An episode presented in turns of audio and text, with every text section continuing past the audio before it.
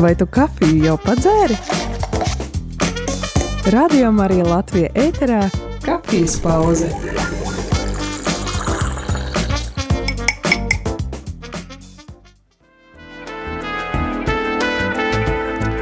Labrīt! Radio Marija klausītāji! Šodien ir mēneša trešā piekdiena, un studija atkal ar jums kopā Rīgas augstākā reliģijas izglītības ziņā studenti Raimons un Aleksandrs.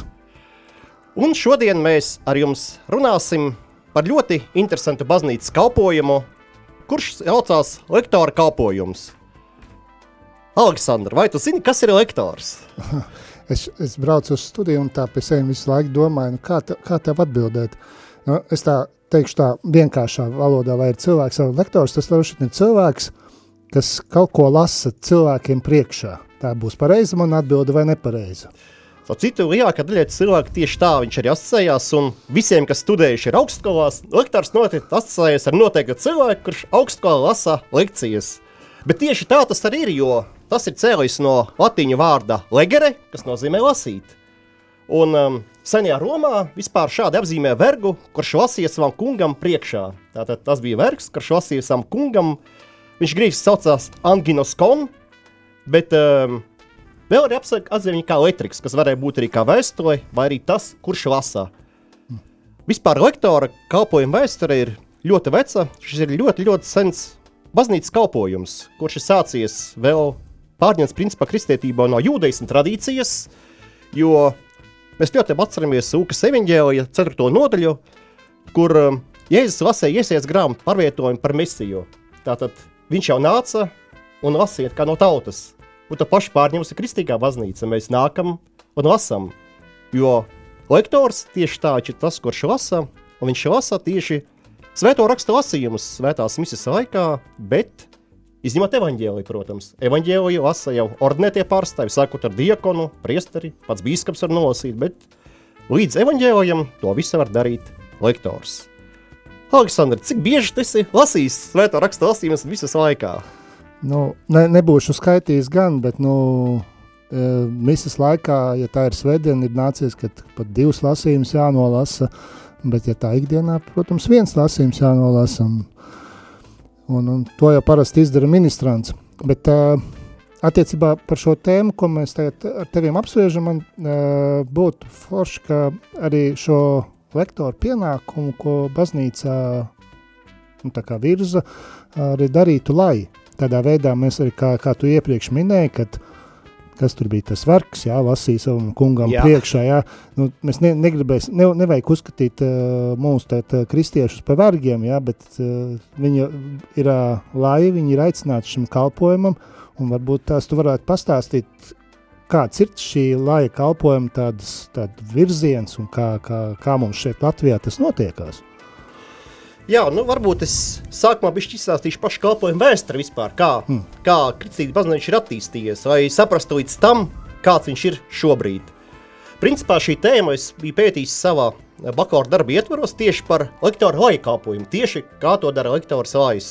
Un šī tēma varētu būt, ka man tik ļoti interesē, ka es varbūt mēģināšu pētīt arī maģistra darbā šo pētījumu tālāk, bet jau reāli, kā tas Latvijā notiek praksē. Tātad teorija man jau tā kā ir nedaudz no bakalaura darba, vēl viņa būs jāpildina, bet praktiskā izpēte, domāju, būs pētījums par visu Latviju, izbraukšu visas diecēzes un pastīšos, kā reāli notiek. Bet, ja skatās vēsturiski, tad uh, vispār liecības pirmās par šo te kalpojumu parādās jau Svētā Justīna rakstos, jo Svētais mm. Justīns jau pirmo reizi pieminēja šo kalpojumu.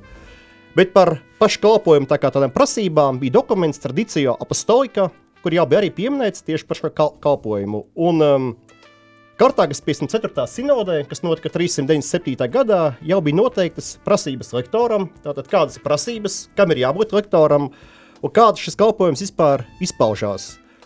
Pēc būtības lektors jau no otrā gadsimta valkā svinīgu tērpu. Tātad tas viņu izšķir no pārējiem kalpojumiem, ka viņam ir bijis savādāks tērps nekā citiem kalpojumiem.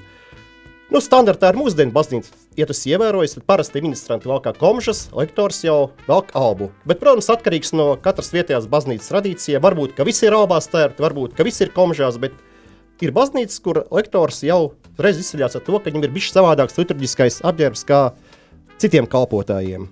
Man te jautājums, kā ar lajiem, kas nepiekalpo šajā brīdī? Kā, ja viņus, teiksim, iesaist kā lektorus? Šī brīdī Latvijā ir Rīgas arhitekcēzē nemaldos iesvētīti četri lektori. Pagājušajā gadā bija septiņi akalīti un četri lektori. Un, cik es zinu, ne visi no viņiem ir liturģiskie kalpotāji. Tātad viņi nāk, viņi saņēmuši svētību šim kalpojumam, lasīt šos svētos rakstus, jo, kā mēs runāsim tevi tālāk, nepieciešama arī formācija. Tāda lektoram vajadzīga iziet noteikti formāciju, kas viņus sagatavo šim kalpojumam, jo iznākt un nolasīt, tā ir liela atbildība. Un tu pats esi noskatāms reiz to saskāries, kā tas ir. Tu sākumā rūpīgi sagatavojies, rūpīgi izlasīji pats svētos rakstus, vienu, otru, trešo, ceturto reizi, padomā, pārdomā pats viņus, un tad jau lasīji. Jo tas jau nav tā, ka Es tagad iedot, pasaku, ok, Aleksandrs šo nolasīs, un Aleksandrs iet un lasa. Nē, droši vien tā arī bijis, kad Aleksandrs iet un lasa. Nu, jau viņam liek, viņš lasa, vai tad ne?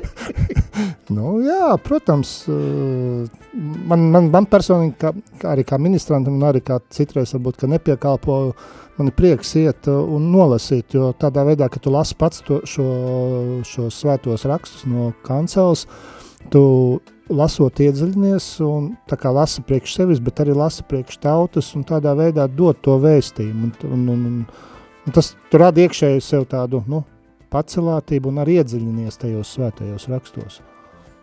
Nu jā, nu, un atgriežoties tā, ka nedaudz pie vēstures, tad um, Principā no 10. gadsimta šīs lektora svētības un arī aklītas svētības bija tās augtās mazās svētības, kas bija pa ceļam uz priesterību. Tātad pirms tam priesteram obligāti viņas jāsaņem. Arī mūsdienās pa ceļam uz priesterībai diokonātu arī šīs svētības ir obligāti jāsaņem. Un izrādās, ka jau no 8. un 9. gadsimta bija izveidots atsevišķi pat lektora skolas. Senetnē bija speciāla lektora skolas, kur lektoras mācīja. Viņa mācīja iepazīt Dievu vārdu, viņa skaidrot. Viņus mācīja, kā pareizi izrunāt vārdus, kā pareizi nolasīt. Bet ap dažādās izteiksmēs, ciešana izteiksmē, prieka izteiksmē un dažādās izteiksmēs. Tātad tās bija speciālas skolas, kur šie lektori bija gatavoti. Kad es to lasīju, un pārāk tik interesanti, ka domāju, nu, kā tad tā uzdenas formācija arī ir, bet viņa ir tāda savādāka. Bet Jā, Aleksandr. Man, man tad liekas, šķiet, tā, tu man tā, to stāst, tagad man tā sajūta, zin kā, mums agrāk skolā bija glītrakstīšana pirmajās klasēs, tad tā skolas kalpoja tā kā lasīšanas, tā kā attīsta tavus ru, runas veidu, ne? Jā, tieši tā. Tās bija skolas, kuras attīstīja runas veidu, bet viņas papildus arī mācīja pašam izprast tos svētos rakstus. Tātad tu nebija tikai pliks lasītājs, tev bija jāsaprot, ko tu lasi, kā tu lasi, un jāprot ir dievsvienskīgi paskaidrot arī to, ja kāds par ko pajautāja.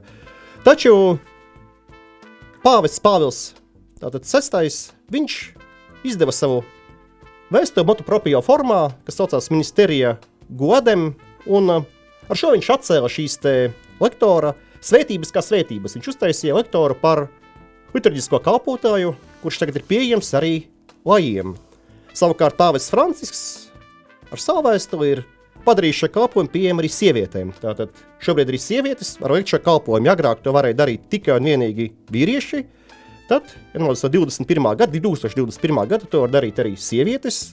Ir izmaiņas arī kanonisko tiesību kodeksā, kas atļauj to darīt tagad arī sievietēm. Jo agrāk arī kanonisko tiesību kodeksā bija noteikts, ka to dara tikai vīrieši.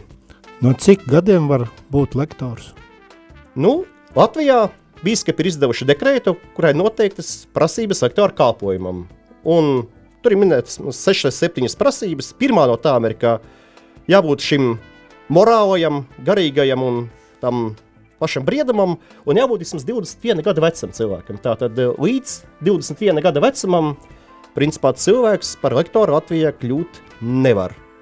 Protams, otrā prasība ir to, ka šim cilvēkam ir obligāti jāpiekrīt Vatikāna otrā koncila teoloģijai, gan liturģijā, gan katehēzē, gan arī teoloģijā. Tātad viņam ir jābazī, jāzina viņa un viņa jāpieņem, ka tā ir patiesā teoloģija.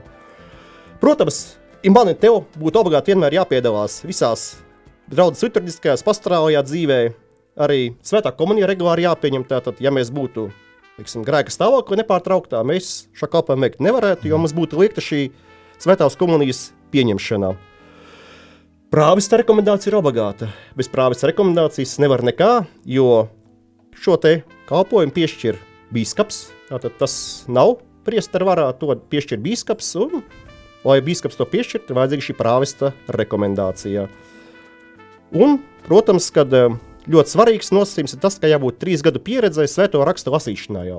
Tātad pirms saņemšās svētības, tev jābūt jau trīs gadu pieredzei tieši svēto rakstu lasīšanā. Tas Tātad, nozīmē, kā trīs gadus tu individuāli pats lasi šos svētos rakstus. Tā to var saprast. Nē, tas domāts ir tā, ka tu jau ej baznīcas priekšā lasi, bet vēl nebūdams iesvētīts par lektoru. Tātad tu ej tas, ko, teiksim, mēs ikdienā arī darām, kā ministranti, mēs ejam viņus lasam. Un, teiksim, paiet tie trīs gadi, tu esi 21 gada vecs, tev atbilst tavs morālais briedums un garīgais briedums atbilst visam, tātad tu vari saņemt lektora Tu nomierināji. Es jau sāku baidīties, kā, ka sa saviem ministrantiem dod lasījumus kādam la jaunam puikam lasīt, tad, uh, tad viņš jau, kā saka, ieliek fundamentu sev uz lo- lektora uh, to formāciju, ne? Gan arī varētu teikt. tā. Nu, principā jā, jo vispār Polijā ļoti lektors tas ir pats augstākais punkts ministrantiem, ko viņi var sasniegt. Tātad eh, viņiem nav akalīts, tā kā mums varētu teikt, ka nu, lektors akalīts ir divi atšķirīgi kalpojumi, bet uh, Polijā mēs runājam, ka ministrantu kalpojumi, tu atceries, viņi bija 11, cik tur kopā tie dažādas kalpojumu stadijas. Un pati augstākā bija lektors, tā bija pati, pati tā virsotne, uz kur viņi tiecās, jo saņemot šo lektoru kalpojumu, tā bija sasniegta pati pati virsotne. Viņam izdot arī speciāli tādu apliecību, kas apliecina to, ka viņš ir lektors. Ja kamēr viņi ir ministranti, viņiem ir tāda ministranta grāmatiņa, kur ierakstās viņa tās pakāpes, viņa sasniegumi, visi cik tā, ko viņi māk jau, ko prot. Šo vajadzētu ieviest Latvijā, man liekas, ne? Kā tu Nu, domā? man liekas, ļoti laba doma, jā, ja Latvijā varētu ieviest šādu, Jo, varētu. man liekas, ka priesteriem arī ir, un diakoniem ir arī savu apliecību, ka viņ, kas apliecina, ka viņš ir šī kalpota, kalpojuma cilvēks, persona. Tāpat arī varētu šo attīstīt, ka mums Latvijā šis būtu. Nu, šeit es varu nedaudz palielīties, jo mūsu draudzē prāvas ir palīnietis, tātad eh, no palīniešu mūkiem un no polijas tātad nācis. Un man ir šī apliecība, bet poļu valodā, protams, un ir šī lektora apliecība, bet poliski. Tev ir uzdevums šo maģistra studiju laikā iztulkot.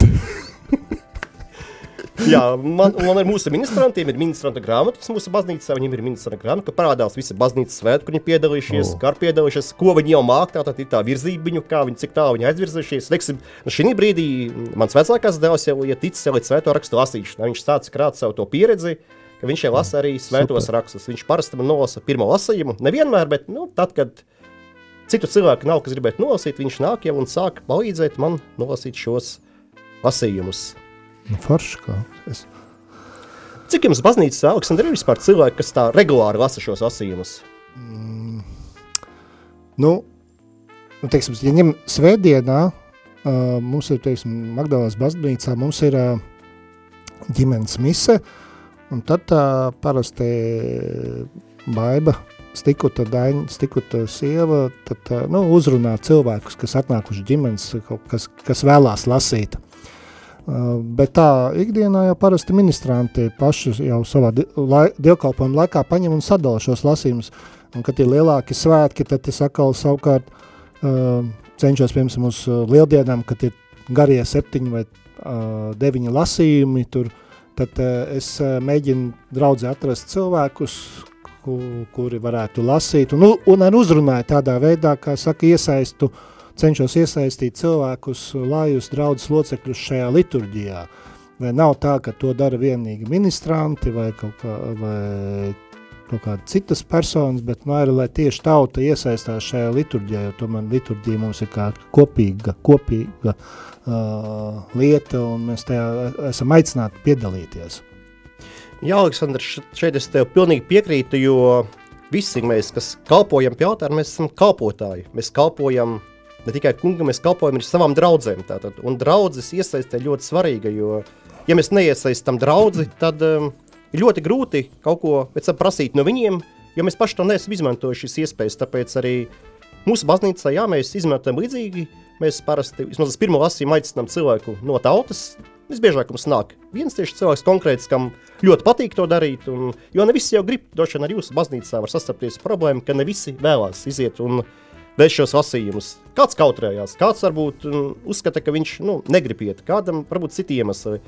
Bet ir cilvēki, kas labprāt dara, un šādas cilvēkus uzrunājot, ir ļoti liels prieks, kad viņi iet, kad viņi ir gatavi palīdzēt, gatavi atbalstīt, un jebkurā brīdī ir gatavi iziet šos lasījumus. Par tiem runājot, tiem lasījumiem lieldienās, ko pieminēja, tad uh, reizēm pat diezgan problemātiski salasīt visas lasīt gribētājus.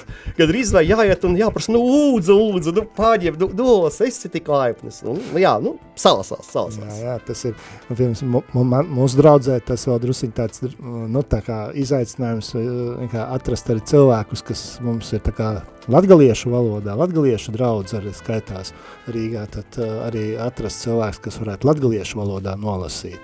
Tas arī tāds vēl plus maziņš uh, uh, izaicinājums. Droši vien, ka tev kurzem arī varbūt tās, varbūt lībiešu valodā kāds las, lasījums, ne? Nē, vienīgais lībiešu valoda, kas lasa mums lasījumus, ir priesteris Andris Priede, kad viņš atbrauc uz kokas draudzes, tad viņš parasti evaņģēlīju mums vajadz nolasīt lībiešu valodā, un tas ir tāds wow! Jā, labi, Aleksandr, es domāju, ka mums pienācis laiks nelielai muzikālai pauzei. Iedzersim kafiju un ļausim klausītājiem paklausīties kādu jauku dziesmu. שמע ישראל, אדוני אחד, אדוני צדקנו, שמע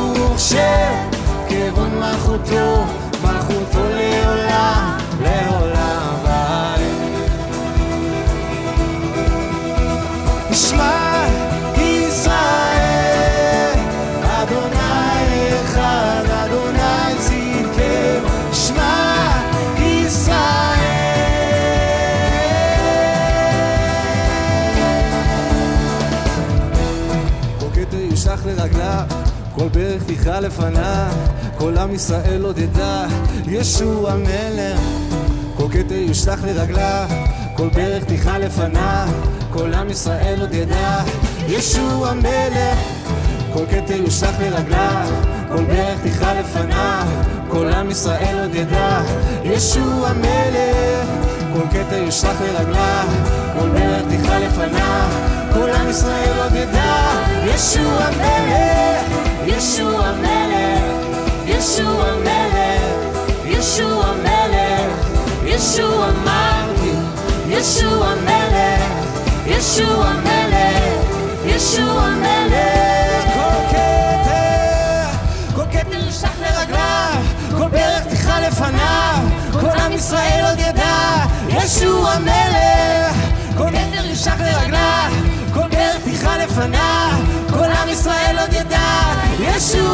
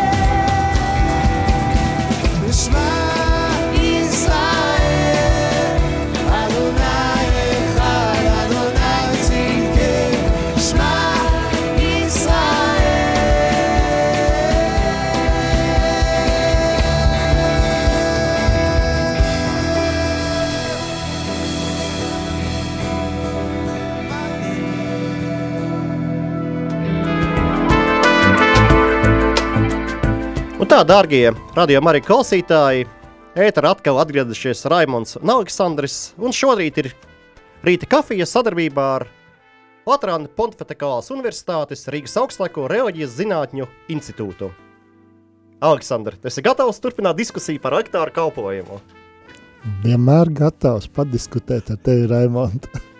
Jā, mums ar tevi jau ēters, trešais ēters jau, kad mēs ar tevi diskutējam, un ir vienmēr prieks ar tevi kopā būt šeit ēterā un parunāt par šo kalpojumu. Aleksandr, kā domā, kas ir um, tās galvenās funkcijas, ko veic lektors, neskaitot vēl svēto rakstu lasījumu? Kādas vēl funkcijas, zini, ko vēl deleģē, protams, katoļu baznīca, ko pieļauj, ka lektors var darīt? Wow. Nu, tu man uzdevi grūtu jautājumu, godīgi sakot. Es gribēju tevi samulsināt, Aleksandr. Samulsināja gan klāja vaļā, kas vēl vajadzīgs. Jā, nē, nu primāri, protams, lektors ir svēto raksta lasīšana un izņemot evaņģēliju, bet ir vēl divas funkcijas, ko tu patiesībā vismaz vienu no viņiem tu noteikti regulāri esi pildījis, arī ar ārzemēsēsņu pildījis, tas ir kopējās lūkšanas nolasīšana. Jā, un Jo- psalma arī var. Psalmu, protams, ka tu arī vari dziedāt, ja tu māki, var dziedāt, bet um, jā, nu īstenībā ir tā, ka Ja ir diakons ar vispārēju lūkšanu, protams, nolasa viņš pēc priestera ievadvārdiem, bet eh, standartā, ja viņa nav, lielākā daļa baznīcums nav šo diakonu, diemžēl pagaidām, un tādā gadījumā to dara lektors. Lektors ir tas, kurš iet un šo vispārējo lūkšanu, un tādējādi apliecina to, ka viņš ir Dieva vārda sludinātājs, un arī šajā jomā viņš ir tiesīgs šo izdarīt. Bet, protams, jebkurā gadījumā to noteiks draugs prāvests, vai to darīs tu vai nē, jo nu, viņš tikai var pateikt, ka Aleksandrs, tu šo lasīsi, pateiks, nē, es lasīšu pats, jeb lasīs kāds cits. Jebkurā gadījumā lektors vienmēr seko savu draugu pārvestu norādījumiem. Nu, bet to man te nav jāstāsta, tu pats kalpo regulāri. Ir lietas, kur pārvāvis pieļauj noteikti rīcības brīvu, ka viņš te deleģē kādas funkcijas un saka, to tu nosaki, un es tur nejaucos. Bet ir lietas, kad, ko viņš tā kā patur pie sevis, un katru reizi viņam jāpārjautā, tad šodien mēs darīsim tā vai darīsim šādi.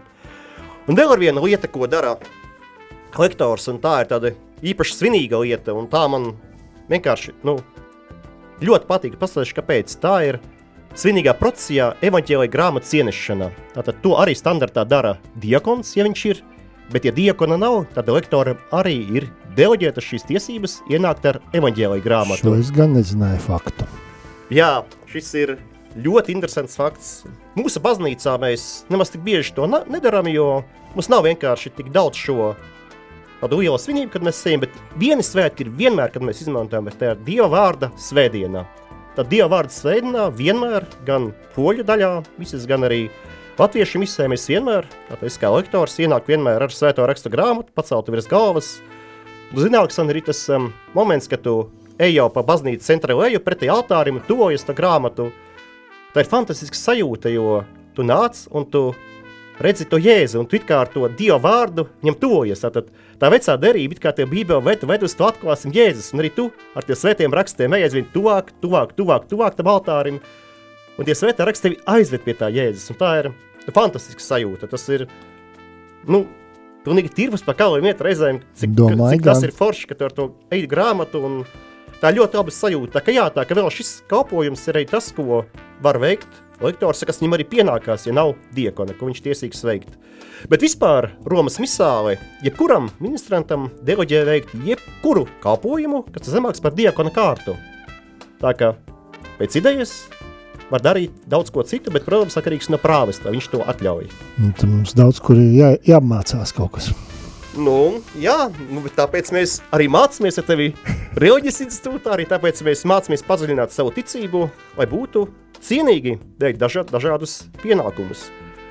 Un varbūt tā, Aleksandra, var padalīties, kā tieši studijas ar Arzi, kā tev ir palīdzējušas veikt labāk tavu ministrantu kalpojumu, tā kalpojumu, kā tieši svēto rakstu lasīšana, kā tas tev ir palīdzējis? Nu, redz, mēs jau un, uh, studiju laikā mēs mācāmies arī, nu, padziļināt, skatāmies arī bībeles svētos rakstus, jā, un, un, un tad, kad tu uh, pēc studijām visi svētdienā dievkalpojumā, tad tu jau attiecīgi arī klausoties svētos rakstus, ko lasa priekšā lektors, tad tu arī jau savādāk sāc analizēt šos svētos rakstus. Tu jau savādāk ieklausies viņos, un tas tev palīdz. Man personīgi tā tas ir.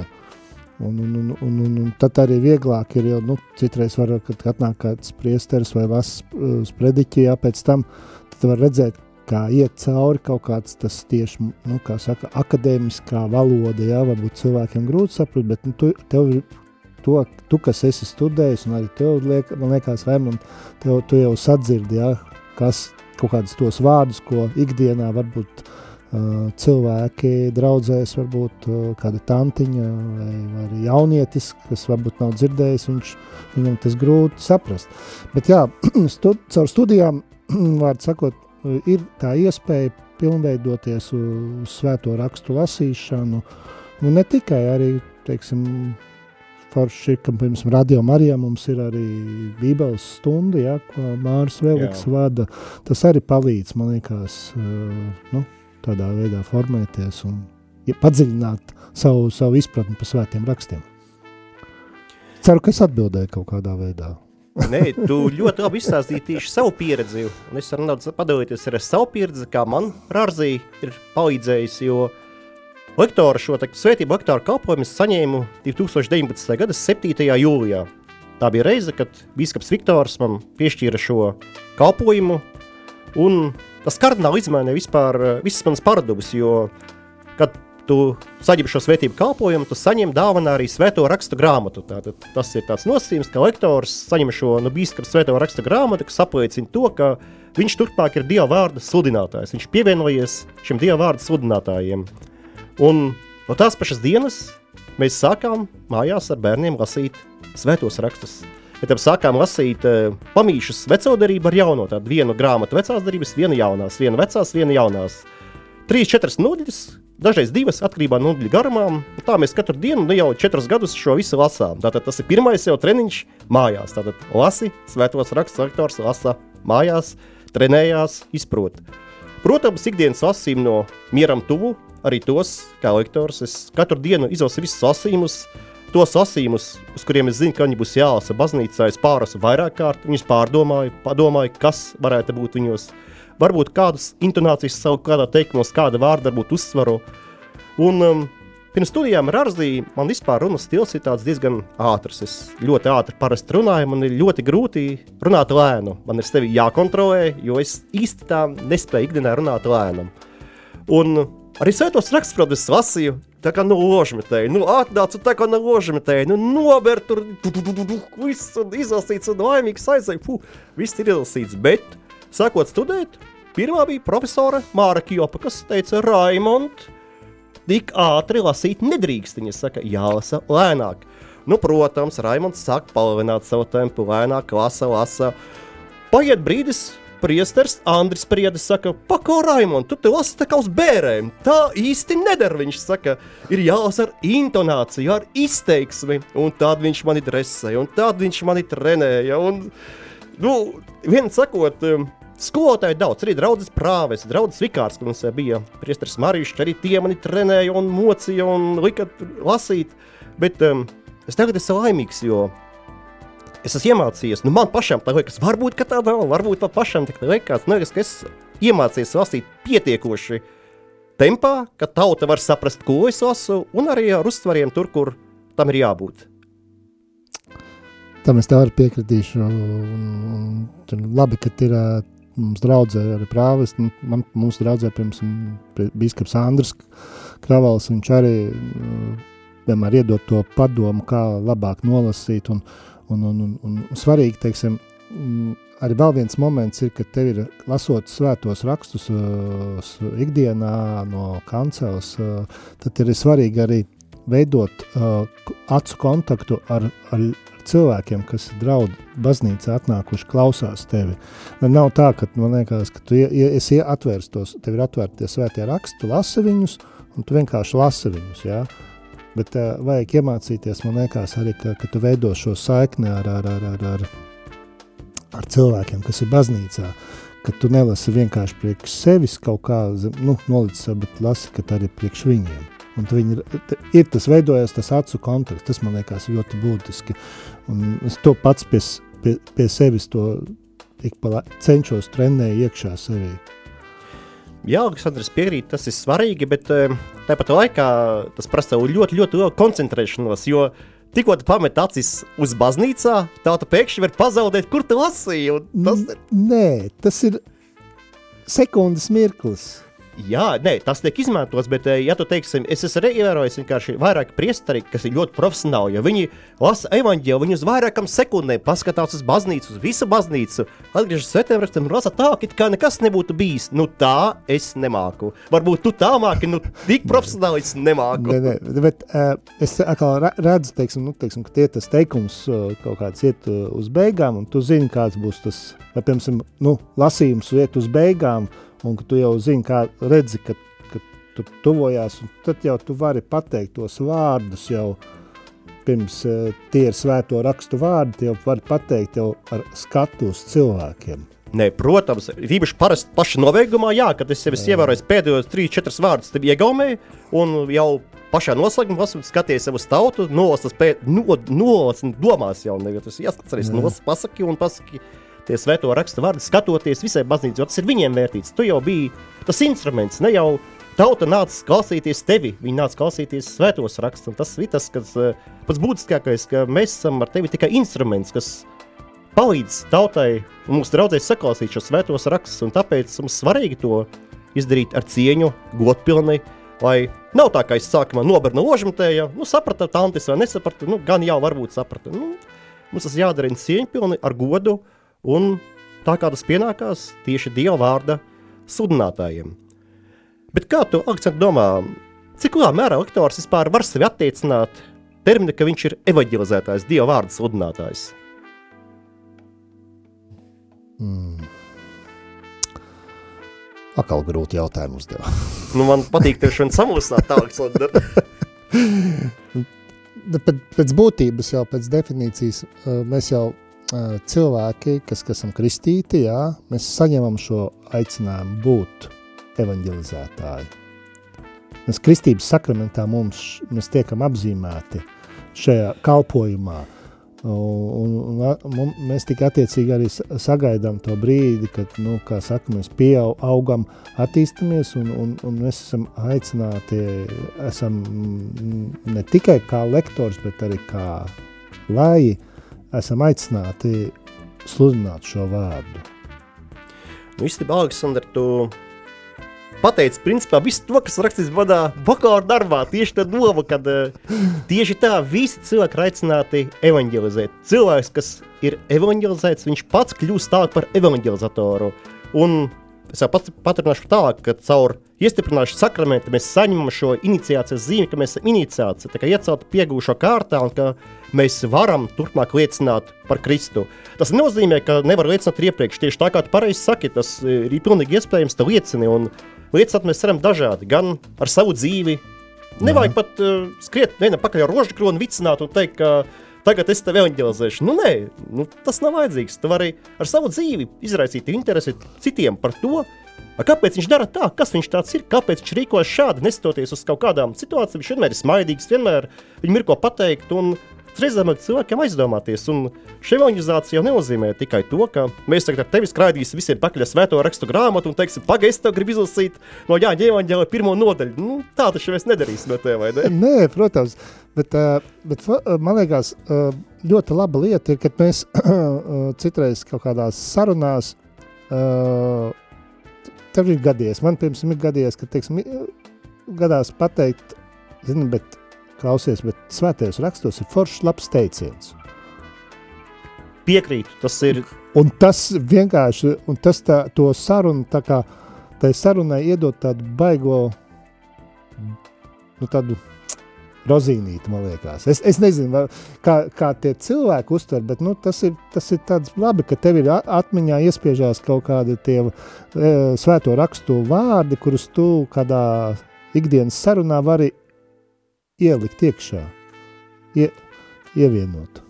Jā, Aleksandr, es tev pilnīgi piekrītu, un tieši tas arī tas, kas svarīgi, ka mēs paši lasam šos svētos rakstus, ne tikai misas laikā, ne tikai tos miera tūbi, ka mēs arī paši mājās lasam svētos rakstus, paši priekš sevis, savās ģimenēs, jo tas paliek atmiņā, un katreiz izlasam mēs svētos rakstus, atklājam kaut ko zinu, jaunu un jaunu, un tas iespējas atmiņā. Un tieši tā, ka tu, kā tu saki, kad vajag kaut ko kādam motivēt, var pateikt, pagaidi, bet taču gudrības grāmatā bija ļoti labs teiciens, tu vari viņu pat atreferēt. Un nāk, attīstot šos domu tālāk, man nāk, kā mums profesora Baiba Brudera vienmēr teikt, mums lekcijās sakat, ja kaut ko jūs izlasat, paņemiet, izrakstiet uz atsevišķas lapiņas un piefiksējiet.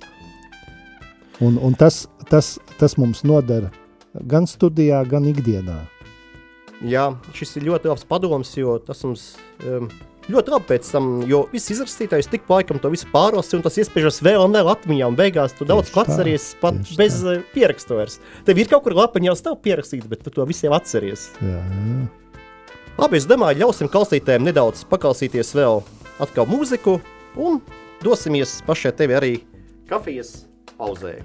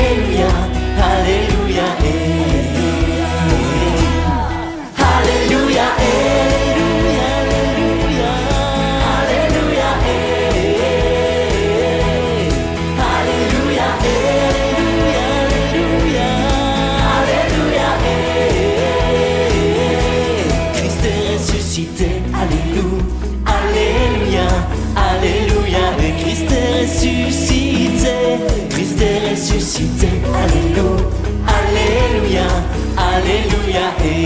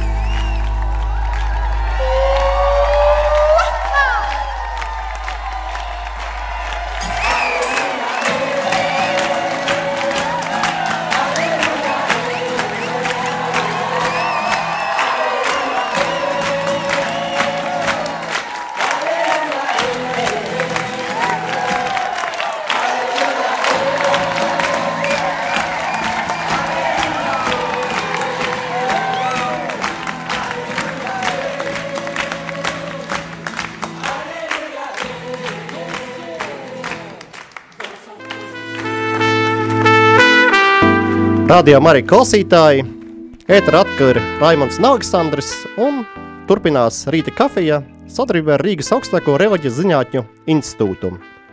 Nāksandra, kā tev liekas, vai mēs um, pietiekami apgaismojam par lektoru kalpojumu, kas tas tāds ir un kā viņš izpaužās? Nu, es domāju, ka savam ievadam un vēlai motivācijai mēs esam izrunājuši diezgan daudz un, un paldies tev, Raimond, ka tu tādu apjomīgu informāciju iedevi. Man personīgi bija dažas lietas, kuras es nezināju.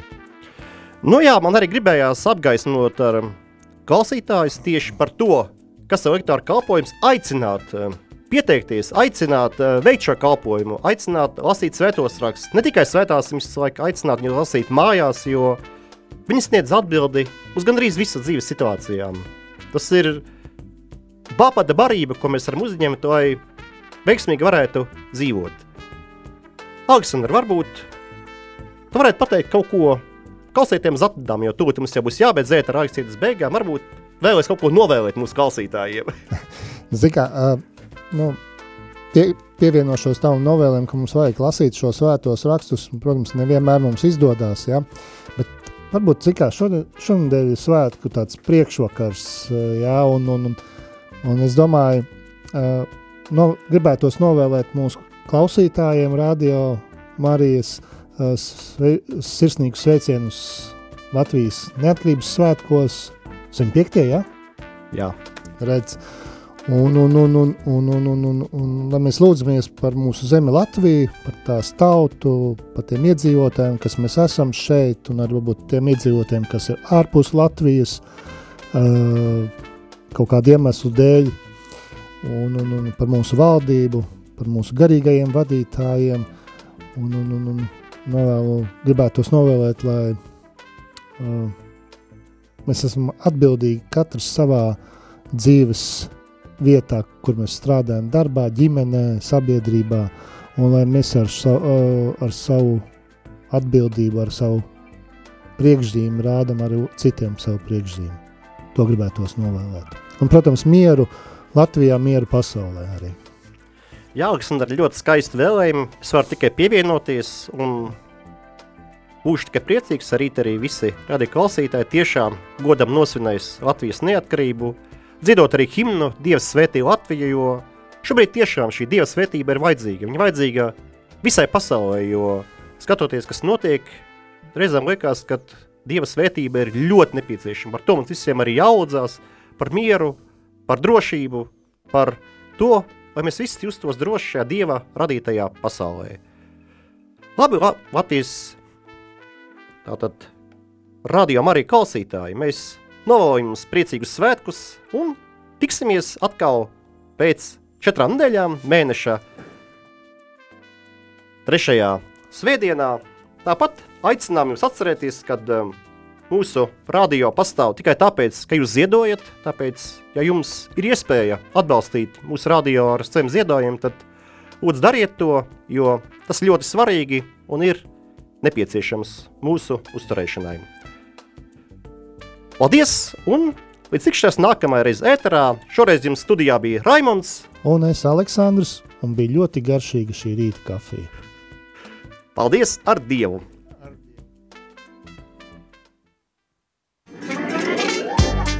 Nu, kafijas tas ir iztukšota. Šis bija raidījums Kafijas pauze.